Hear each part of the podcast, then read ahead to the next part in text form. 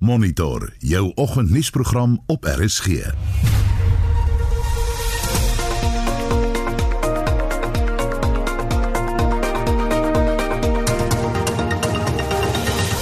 Dis nou 9 minute oor 6 en in vanoggend se program nuwe navorsing toon dat meer Suid-Afrikaners hul sigarette met mekaar deel as ooit tevore en ons praat net na 07:30 met 'n kenner hieroor.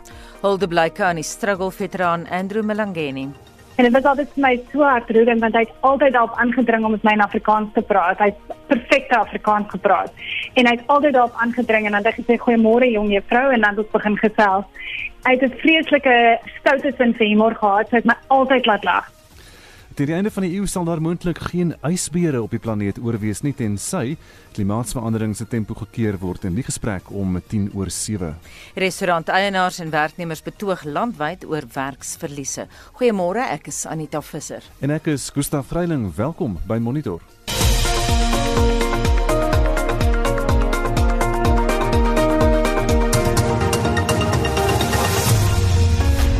Nou 11 minute oor 6 en ons kyk nou na 'n oorsig van die koerant voorblaaie vir Donderdag die 23ste Julie.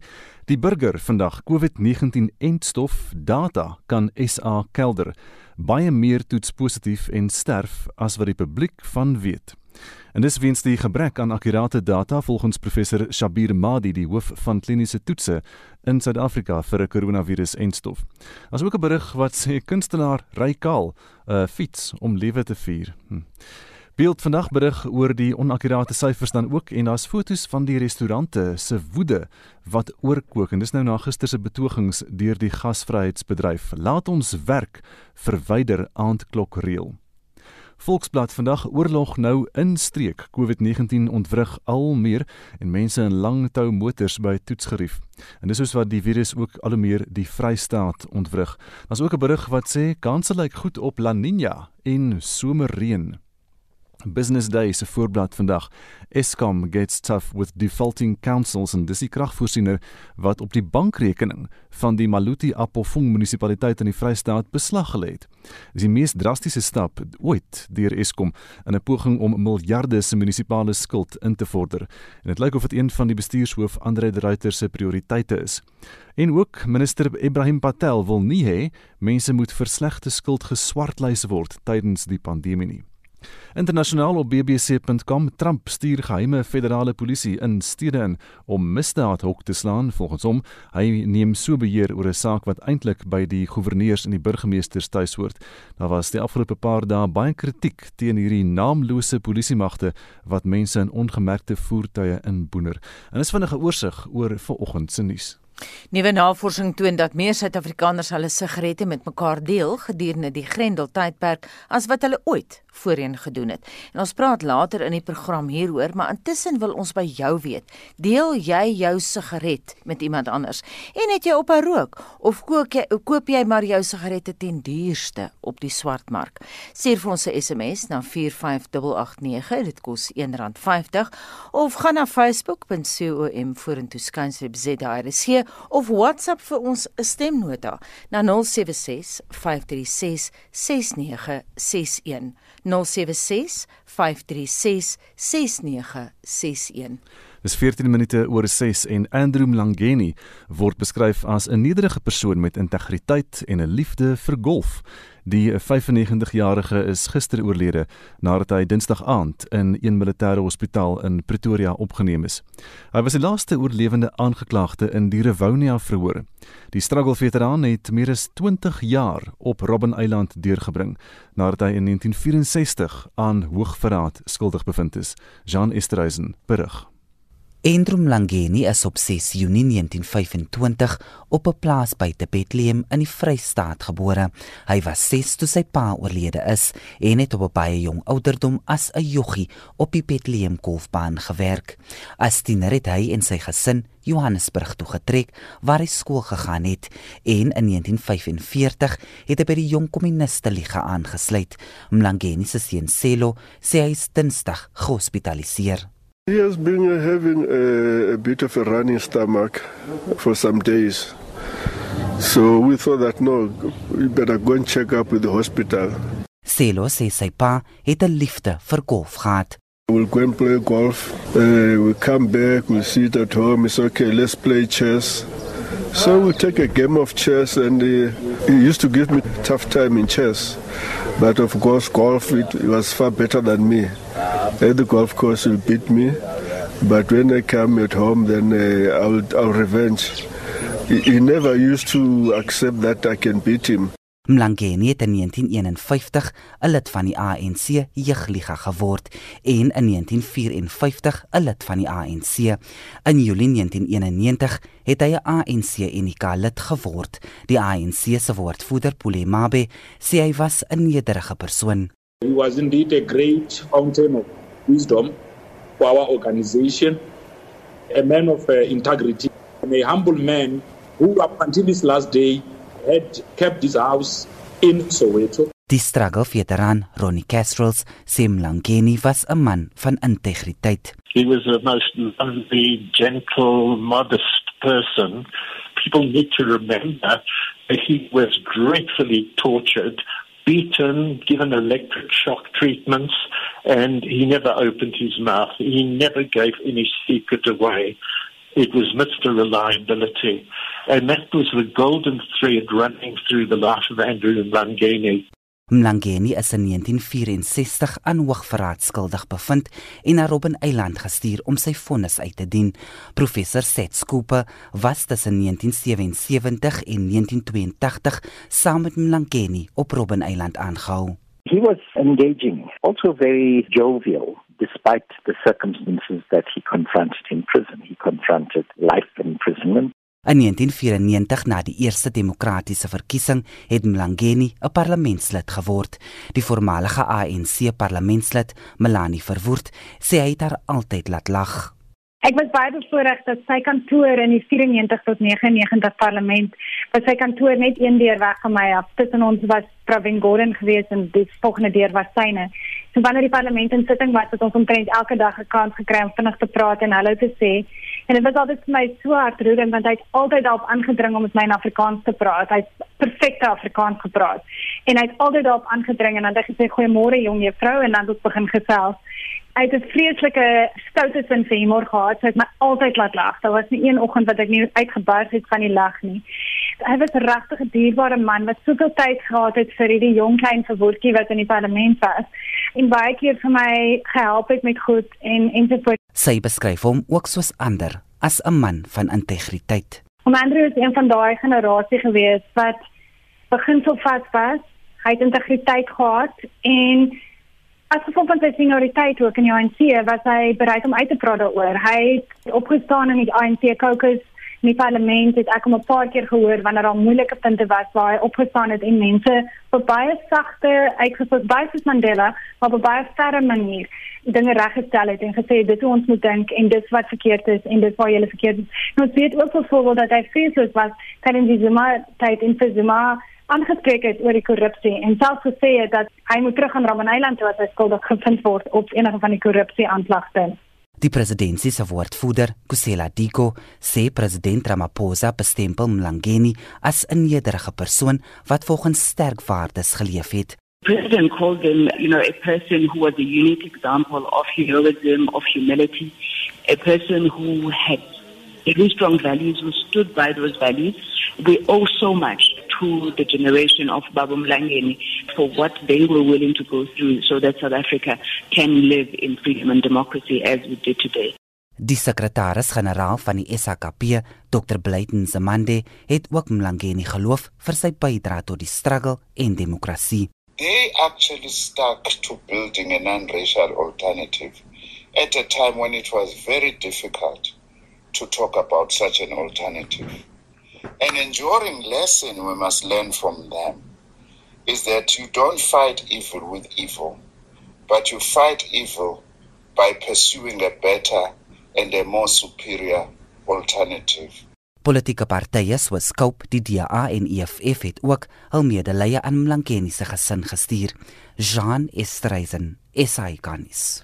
Dis nou 20 minute oor 6 en die sakeverslag word aangebied deur Nelis Brink van PSG Wealth R21 in Pretoria en Stellenbosch. Môre Nelis.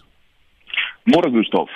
Uh, spring weg in die FSA waar die verdienste seisoen Volstoom loop met syfers wat verwagtinge oorskry. Die Suid-Afrikaansgebore Elon Musk se Tesla het gisterand 'n profit vir die 4de op 'n volgende kwartaal aangekondig. Die Dow Jones loop in die groen met 0,62%, die S&P 500 in die groen met 0,57 en die Nasdaq in die rooi met 0,24. Die toppresteerder daar natuurlik Pfizer met 5% op na die regering die produksie van 600 miljoen COVID-19 enstofmiddels vooruitbestel het. Die verloorders daar vir die dag Goldman Sachs met -2,8 en ExxonMobil met -2,3. In die Verenigde Koninkryk is die FTSE 100 in die rooi met -1%, die Duitse DAX in die rooi met -0,5 nie gevonde spanning tussen Amerika en China nadat Amerika China beveel het om hul konsulaat in Houston, Texas onmiddellik te sluit op verdenkinge van kubermisdaad, druk die plaaslike beurs ook laer. In Suid-Afrika het die alle aandele indeks in die rooi gesluit met -1%.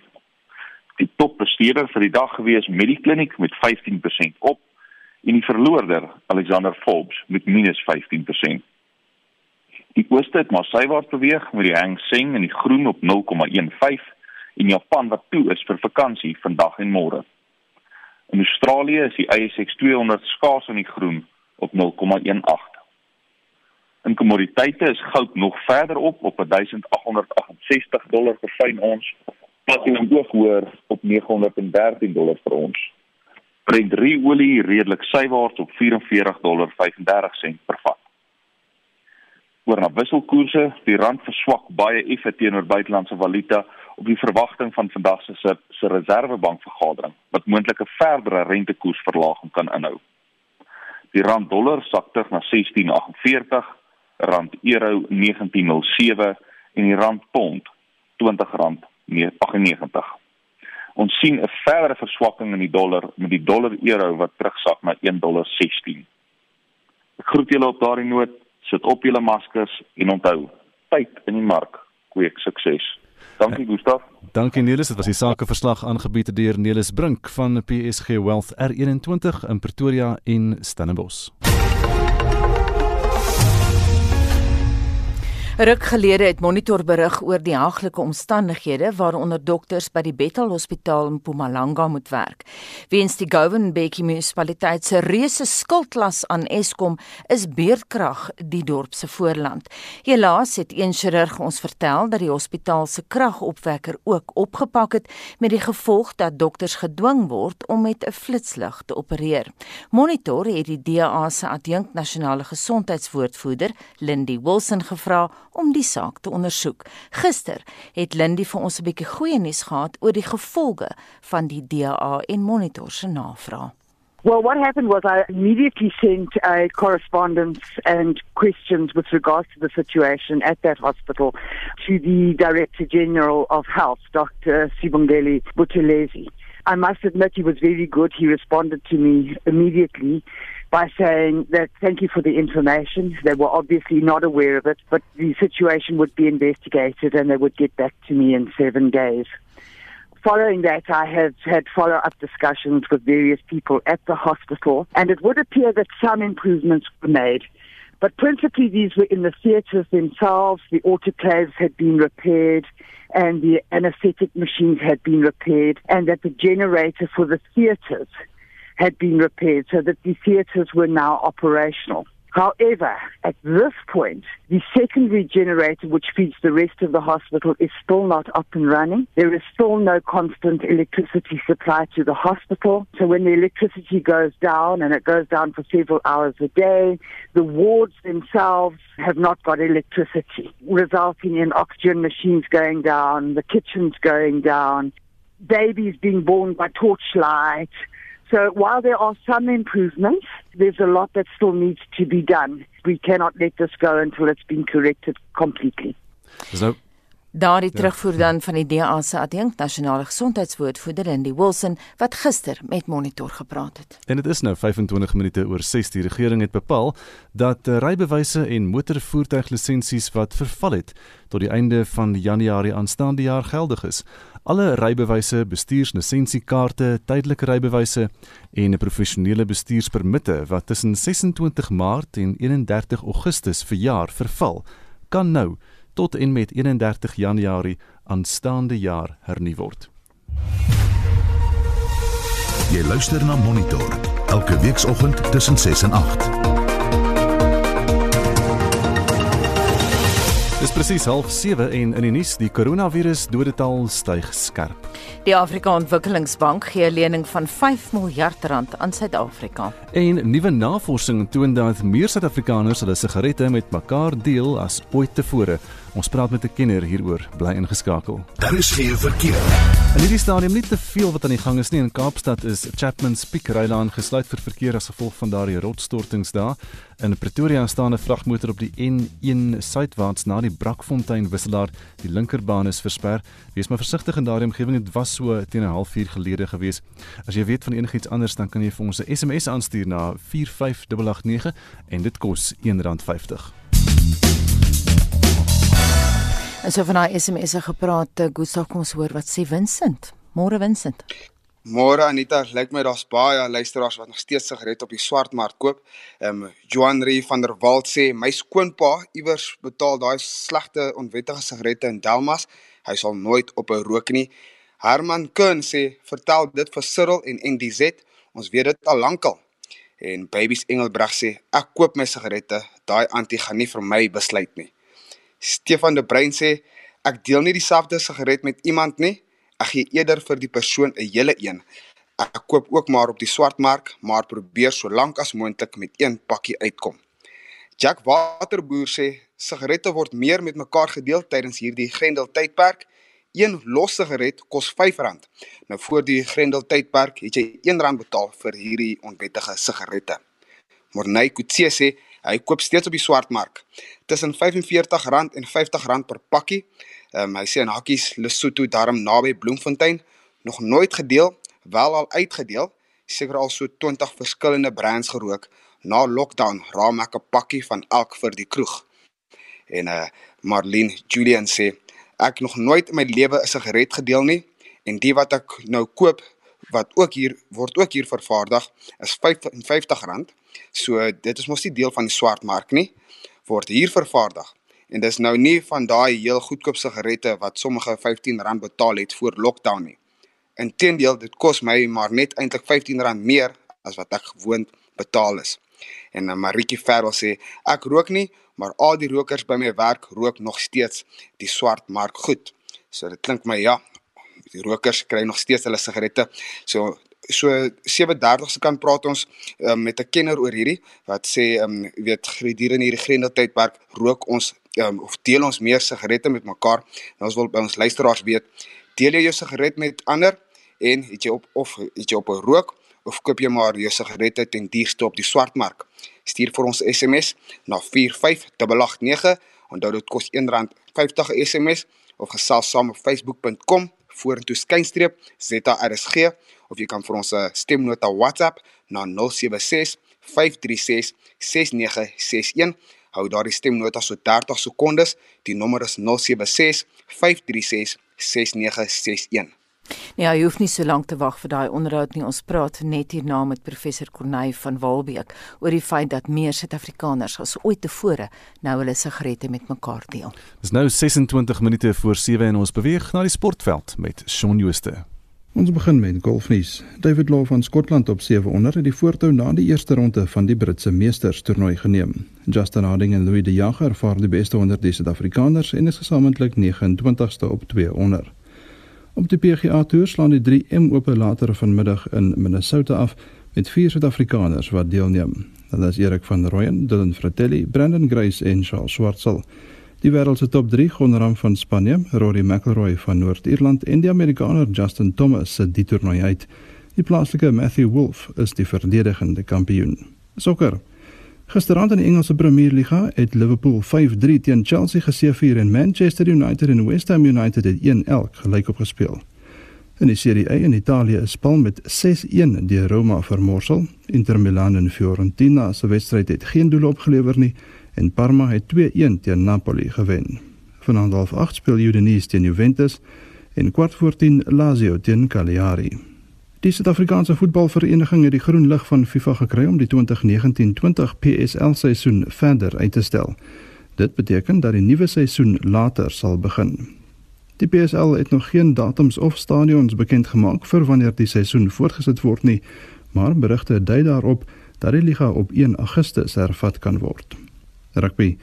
Die Bulls het aangekondig dat die voormalige Lions loskopstud Jacques van Rooyen by hulle aangesluit het.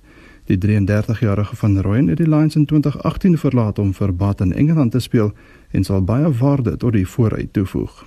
En laastens in die cricketwêreld het organiseerders van die Euro T20 Slam kompetisie bevestig dat vanjaar se toernooi weens die koronaviruspandemie gekanselleer is en moontlik eers in 2021 sal begin. Die toernooi sou uit 6 franchises uit Ierland, Skotland en Nederland bestaan met groot name soos Ewan Morgan van Engeland, Martin Guptill van Nieu-Seeland en Shahid Afridi van Pakistan wat sou deelneem. Shaun Schuster, SAK Sport. 23 voor 7 jy luister na Monitor op RSG en meer Suid-Afrikaners deel hulle sigarette met mekaar gedurende hierdie Grendeltydperk as wat hulle ooit voorheen gedoen het. En dis die bevinding van 'n studie wat pas deur die Universiteit van Kaapstad gepubliseer is. Boonop het sigaretpryse op die swartmark met byna 250% toegeneem. Vir meer konteks hieroor praat ons nou met die studieleier, die ekonom professor Corneil van Walbeek. Hy is direkteur van die universiteit se navorsingseenheid oor aksiensprodukte. Goeiemôre Corneil. Goeiemôre Anita. Ek verstaan daar was 23000 respondente. Hoe presies het julle te werk gegaan met julle peiling? Ja, Anita, dit was 'n aanlyn studie geweest. Die aansien saak kon ons nou nie uh, uh, gesig tot gesig tipe van onderhoude gevoer het nie. Dis 23000 mense die ehm um, studie aanlyn uh, ingevul. En die aard van die saak kry mense dan nie 'n perfekte uh, verteenwoordigende steekproef nie, uh, omdat die mense ongelukkig die mense op die onderste vlakke van die samelewing nie in so 'n tipe studie inkry nie. Maar ons is nog steeds uh vol vertroue dat hierdie studie werklik betekenisvol is om ten minste tendense wat daar is, iets vir, vir ons uit te lig. Is daar 'n verskil in sigaretpryse geografies van stad tot stad en provinsie na provinsie in hierdie nuwe swartmark? Verseker. Uh die gemiddelde uh, toename was 250% soos wat jy gele gesê het, maar veral in die Weskaap en die Noord-Kaap het pryse met meer as selfs 400% toegeneem uh gedurende die grendeltydperk. Uh in uh provinsies soos Gauteng, uh, Mpumalanga en Limpopo het die pryse gestyg met tussen 120 en 160%. En was daar demografiese verskille? Ja, verseker. Ehm um, in terme van uh, mense wat opgehou het om te rook, het ons groot uh, verskille gesien, veral swart mense wat meer geneig om op te hou rook. Uh, ons het gevind dat tussen swart vrouens het amper die helfte van vrouens uh, gestop om te rook in die grendeltydperk. Uh, mans, uh, swart mans ongeveer 'n derde. Tussen uh, blankes net 4% van mans het suksesvol ge, gestop en slegs 2% van vrouens in ons steekproef het suksesvol gestop. Nou Kornei minister Nkosazana Dlamini Zuma hamer op die feit dat sigarette verban is weens onder meer die gevare wat die deel daarvan in het sy nou so gepraat het van when people zal. Julle studie het egter juist die teendeel bevind. Meer Suid-Afrikaners as ooit tevore deel nou hulle sigarette. Vertel ons 'n bietjie meer daarvan. Ja, ons het uh, gevind dat uh, voor die uh, grendeltydperk het 18% van mense aangedui dat hulle soms hulle sigarette met ander mense gedeel het. Daardie persentasie het toegeneem vanaf 18% tot 26%, maar wat ons veral gevind het is dat die mense wat baie sigarette deel, met ander woorde dat meer as die helfte van hulle sigarette wat hulle rook gedeel word met ander mense, daai persentasie het toegeneem vanaf 2% tot by 10% in die grendeltydperk. Dus dit is werklik 'n vir ons baie skokkende resultaat gewees. En sekerlik vir die minister behoort dit te wees want haar hele beleid is geskoei op die verkeerde aanname. Wel dit is een van die redes hoekom sy uh, die beleid ingestel het. Die ander rede was natuurlik dat sy uh, geglo het op die aanname gewerk het van dat mense wat rook so lange meer kwesbaar is vir die virus en uh, dat dit meer um, 'n impak op mense se gesondheid gaan hê as hulle wel siek sou sou word of of die virus sou kry. Ons het in die inleiding nou verwys na die vreeslike toename in die prys van sigarette en jy het gepraat van in die Kaap eh, is dit is dit nog meer as hier. Ehm um, hoeveel kos 'n pakkie nou? Min of meer. Die gemiddelde prys ehm um, uh, in die land toe, toe ons die opname gedoen het was 114 rand per pakkie. Hm. Uh teenoor uh voor die grendeltyd tydperk van um uh, tussen 25 en 30 rand gemiddeld per hmm. pakkie. Maar um 'n mens kan uitwerk in die Weskaap is daai prys in die gemiddeld ongeveer 150 rand en ons het respondente gehad wat gesê het hulle tot 300 rand per pakkie betaal ja. en 3000 rand vir 'n uh, kaart 'n uh, kaart hmm. van 10 pakkies van 20.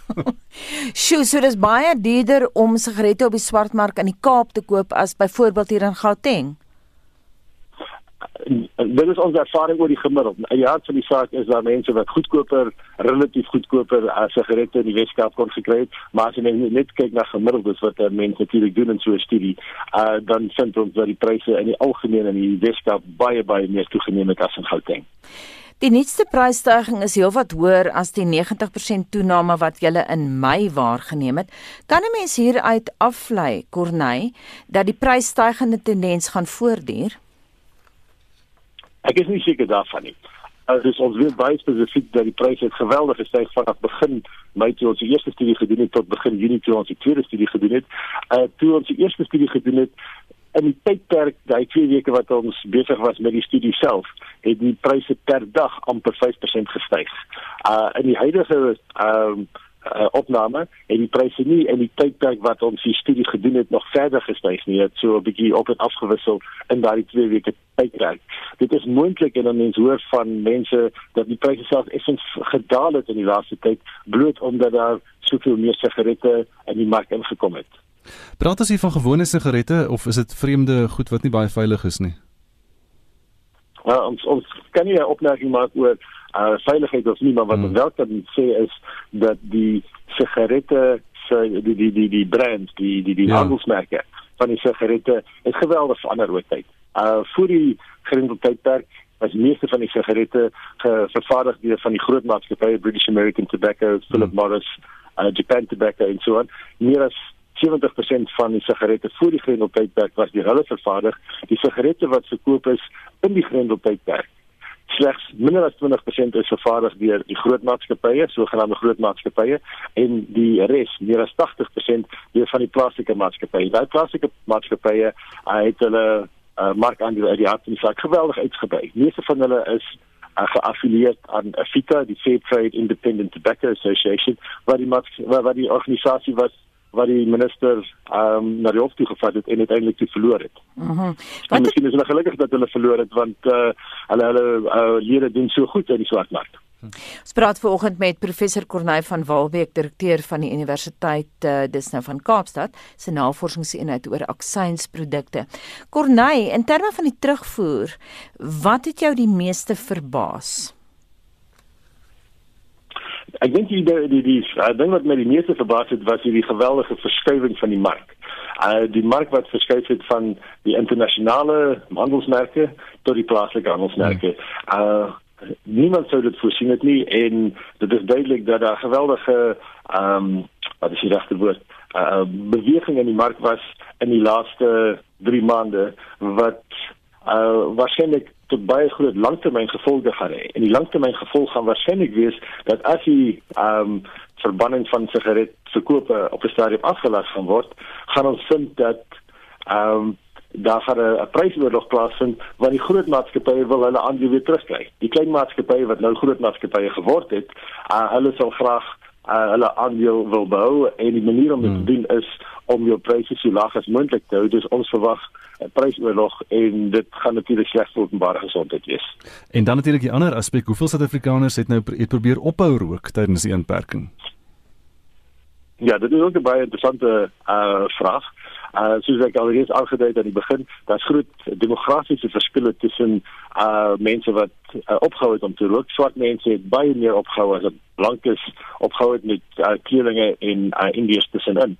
Um maar wat ons gevind het vir ons spesifieke steekproef, het 9% van ons respondente aangedui dat hulle uh gestop het om te rook in die grendeltydperk. En die interessante rede hoekom hulle dit gedoen het is Uh nie omdat hulle omdat ek sê die ge, verbod wou gehoorsaam het nie. Dit was bloot praktiese redes van dit het te duur geword. Meer as 50% van ons respondente het vir uh, ons gesê hulle het gestop of hulle wou stop omdat die prys te duur geword het. 14% het gesê hulle kon nie sigarette in die hande kry nie, daarom het hulle gestop. 11% van mense het gestop omdat hulle aan die wetgewing en die regulasies wou gehoorsaam wees.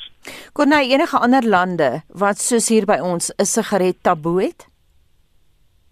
Ja, ons het die navorsing gedoen en uh, daar is slegs 3 lande wat ons kon gevind het wat ook uh 'n uh, verbanning op verkoop ingestel het. Uh, Natuurlik onsself en ons is nou die op oomblik enigste wat nog steeds is. Ehm um, dan is daar Botswana wat vir 'n tydjie lank uh dit gedoen het en dan was daar ook Indië wat vir 'n tyd lank uh tabakprodukte en alkoholprodukte se verkope verban het. Uh daar's 'n storie dat Israel ook so 'n verbanning mm. ingestel het. Ons het die navorsing gedoen. Uh ons kan dit nie gevind het nie. Ek sê nie dit is nie so nie, maar ons kon dit volgens ons navorsing uh kon ons nie dit opgetel het nie. Kon dit is also letterlik ja. op hierdie stadium die enigste land in die hele wêreld wat mm. so 'n uh, verbanning het. En is vreemde tye waarin ons leef nou en met hierdie verbanning wat waar ons mee ons saamleef, uh dis maar net een van hulle. Is het jy ooit gedink jy gaan 'n soort van navorsing doen en dat daar so 'n geweldige ontwrigting aan 'n mark sal wees? Ja, dus ek doen al navorsing en ek uh, is 'n leier van 'n span van so ongeveer 6 of 7 ekonome wat hierdie tipe werk doen. Uh en baie mense dink ja, dit moet ook maar bietjie daarna vervelig wees, maar dit is nie. Dit is van die mees opwindende navorsing wat ons gedoen het uh waarskynlik in my lewe.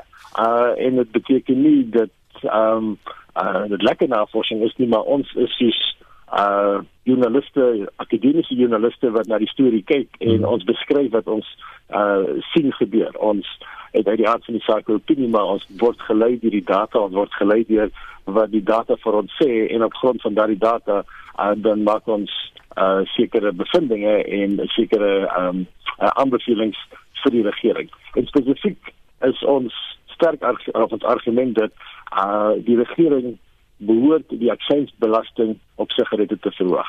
Die feit dat mense 100 rand of meer vir 'n pakkie hmm, sigarette bereid is bereid is om te betaal, beteken dat daai aksiesbelasting wat op die oomblik op sigarette is van 17.40 waarskynlik gaan te min is. Ons kan daai aksiesbelasting verhoog. Dit verminder die vraag na sigarette. Dit veroorsaak dat die regering ten minste kan 'n bietjie geld kry uh, in plaas van om 'n verbod op uh verkoop te plaas wat tans gebeur en 90% van mense uh gehoorsaam nie daardie verbod nie. Kon hy net laasens soveel geld verloor die regering? Verseker. Uh dus uh volgens die begroting sou die regering in hierdie huidige boekjaar 14 miljard rand, dis 14000 miljoen rand uh aan aksiesbelasting op sigaret uh, en tabakprodukte uh verkry het. Dit werk uit op so net so 'n bietjie meer as 'n miljard rand per maand. En uit die aard van die saak as daar 'n verbod is op verkope uh kan dan nie aksiesbelasting gehef word nie want dit uh verkoop het vind in 'n geval nie plaas nie. Dit hmm. behoort nie amptelik plaas te vind nie, maar dit uit die aard van die saak gebeur wel. Dus daardie geld wat die regering kon gekry het uh is effektief verlore. Dit beteken nie dat uh, uh dat die uh soort van uh, verbod die hele finansiële situasie van die staat gaan omkeer nie. Die regering het geweldige groot uitgawes, 500 000 miljoen of 500 miljard rand wat net vir die coronavirus se krisisfonds uh, uiteengesit is.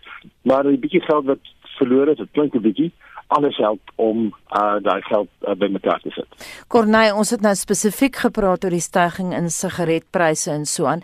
Het jy enige oorhoofse idee hoeveel die swartmark hier uitmaak? Nee, dit is 'n baie moeilike vraag om te beantwoord, uh, Anita. Mense moet dan baie spesifiek weet met watter mate die uh hoe groot die mark op die oomblik is. Uh ons raai is dit is miljarde hmm. wat die swartmark gemaak het en met die situasie, maar om 'n presiese antwoord te gee, uh dit dit sal 'n bietjie te moeilik wees. Baie dankie en so sê die ekonom professor Corneil van Walbeek, hy is direkteur van die Universiteit van Kaapstad se navorsingseenheid oor aksiensprodukte. Dis nou 11 minute voor 7 uur by Monitor op RSG en die restaurantvereniging van Suid-Afrika in KwaZulu-Natal vra die regering om restaurante toe te laat om ten volle te heropen solank hulle aan COVID-19 protokol voldoen. Restauranteienaars en werknemers het gister landwyd aan 'n protesoptrede op sypaadjies deelgeneem om die aandag te vestig op die werksgeleenthede wat in die bedryf ingedrang is. Restauranteienaars is ontevrede oor huidige inperkingsregulasies en restaurante mag kos wel aan aansitlente bedien, maar mag geen drank bedien nie. Jean Esterhuizen doen verslag. Die bestuurshoof van die restaurantvereniging van Suid-Afrika, Wendy Alberts, sê die polisie het sommige lede verhoed om buite restaurante te betoog. Sy sê 30% van restaurante het reeds permanent hul deure gesluit. Look, the last 20 weeks have certainly highlighted the devastation in the industry and how difficult it is for restaurateurs to keep their doors open. What we do know is 30% of all restaurants are closed permanently. 50% of the 70% of restaurants don't know if they'll ever reopen. Leon Galloway is die eienaar van 'n restaurant in Margate aan die KwaZulu-Natal se suidkus. Nadat sy verhoed is om te betoog, het sy leesstoele en tafels buite haar saakonderneming gepak. President to listen to our plights and our sorrows. They're calling for the government to stick to their promises. We're calling for a relaxed laws regarding curfew and perhaps an amicable situation to the liquor ban. I think that things can be done reasonably and that things can be sorted out and we can discuss it and stuff can be done maturely and safely and we can save the restaurant industry. Most restaurant owners know that 70% of your profits comes from nighttime trade and selling alcohol. Without that, restaurants aren't going to make it. Restauranteienaars in Johannesburg sê hulle werkers sukkel om hulle gesinne te voed omdat daar min tot geen inkomste is. Please open up the country. We are more than ready. Well, we haven't had a salary in five months. Us or any of the 450 families that work for us. We need restrictions to be changed so that we are also part of the people that are allowed to work and allowed to trade and allowed to make money for us, for our families. I don't think anyone understands the pressure and the financial stress we are under at the moment. You know, we've all got kids, we've all got cars, we've all got houses. It's just, it's not fair. Uh, landlords are threatening to evict us. Tabile Duma en Talujan Shleko is restaurantwerkers en enkelmoeders. One thing that I can say like it's tough to us. Like for me especially because I'm a single parent, I've got two kids and I'm traveling with the public transport. My transport fee it's almost 1.8. For the past 2 months I haven't received any salary. So it's very tough. As an employee, it's affected us very negatively, especially as a mother of a one and a half year old daughter, because like we don't have our full salary. In fact, we have very little compared to what we normally get. My child takes at least 2,000 Rand a month. My salary is not even close to that. And then I also have other things like transport and stuff to worry about. So, yes, this lockdown has affected all of us financially, especially. Die bedryf vra dat die regering die inperkingsregulasies moet heroorweeg om werksgeleenthede te red. Die verslag deur Nkululeko Slope, Jean Estreisen, SAICanis. Bedrog in die staatsgesondheidssektor beïnvloed armes die nadeligste. Dit het gister aan die lig gekom in die verslag X-ray the critical state of the health sector in South Africa deur Corruption Watch. Mitsi van der Merwe het meer. Die gevolge van korrupsie word veral nou gevoel tydens die COVID-19 pandemie met die gesondheidstelsel wat knak onder die aanvraag. Die skrywer van die verslag, Melusi Nkala, sê die uitdagings om skaars hulpbronne aan te wend te midde korrupsie is groot. A new report published by Corruption Watch titled X-ray: The Critical State of Corruption in South Africa makes the link between the devastating impact that corruption has on ordinary people's lives and the effectiveness of the healthcare system and its ability to deal with a crisis. This report comes at such a time when globally, and specifically in South Africa, cases of coronavirus are spiraling and concerns are raised about the country's ability to deal with this global pandemic.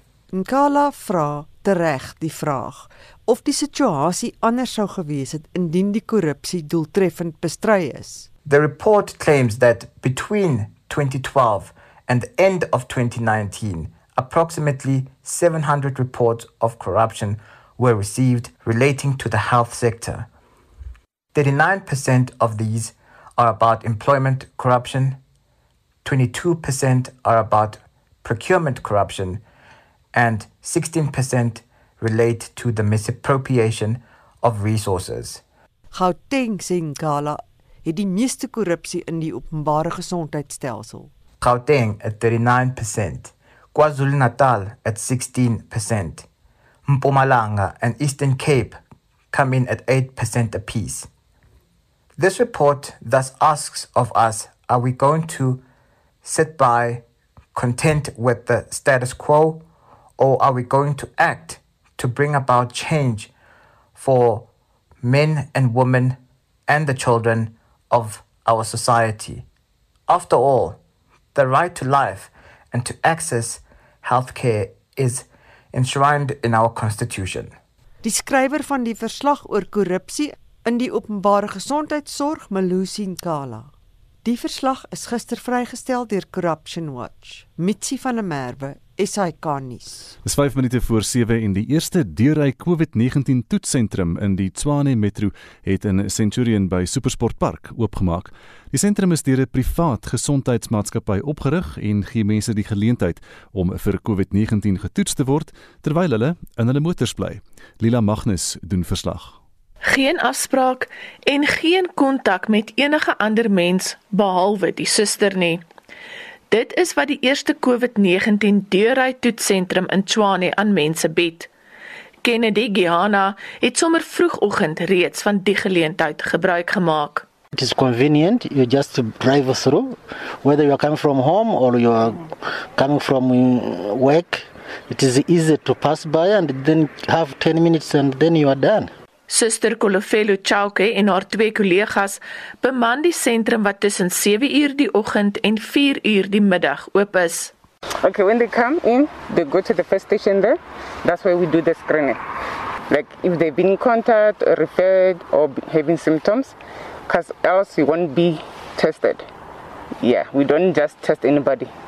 You need to qualify to do the test. 'n Toets kos R1190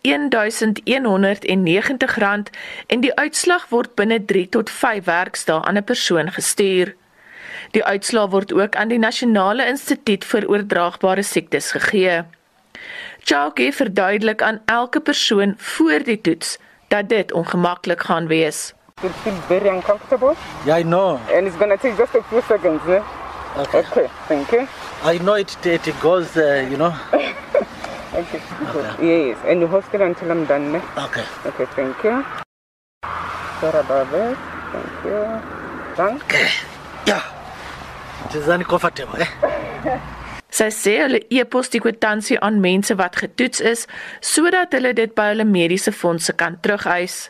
Ek is Lela Magnus vir SAIK nuus in Pretoria.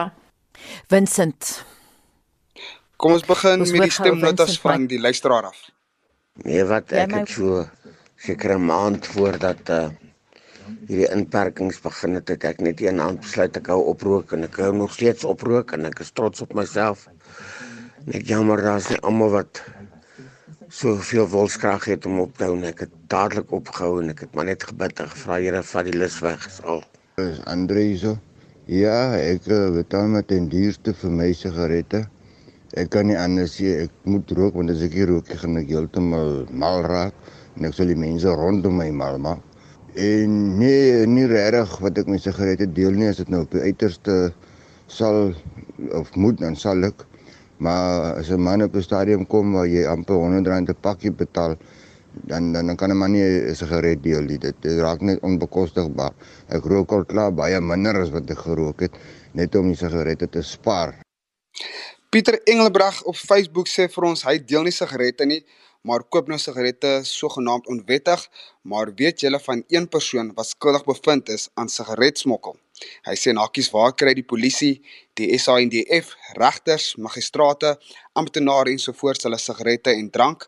En hy sê verder ek het heelwat ek het in heelwat lande gewerk en in elke land waar ek nog gewerk het ehm um, sal hulle vir jou vertel dat smokkelnetwerke het begin met sigarette en drank wat oorbelas was sê Pieter. Hazel de Kok sê ek rook nie, uh, maar familie in die huis deel sigarette en koop by huiswinkels. 'n Los sigaret kos R4 vir een, sê Hazel. Uh, 'n Luisteraar Joos het vir ons geskryf, um, ons bly in 'n aftreeoord en moet deel omdat die swartmarkpryse so duur is. En goeiemôre, die sigarette is 'n hartseer saak. Die land verloor miljoene rande, maar die persone wat wil rook sal bly rook. Hulle koop oral. Betaal op die oomblik R80 per pakkie van 20. En dit bring ons by 7 uur dis nuustyd. SAK nuus. Onafhanklik, onpartydig.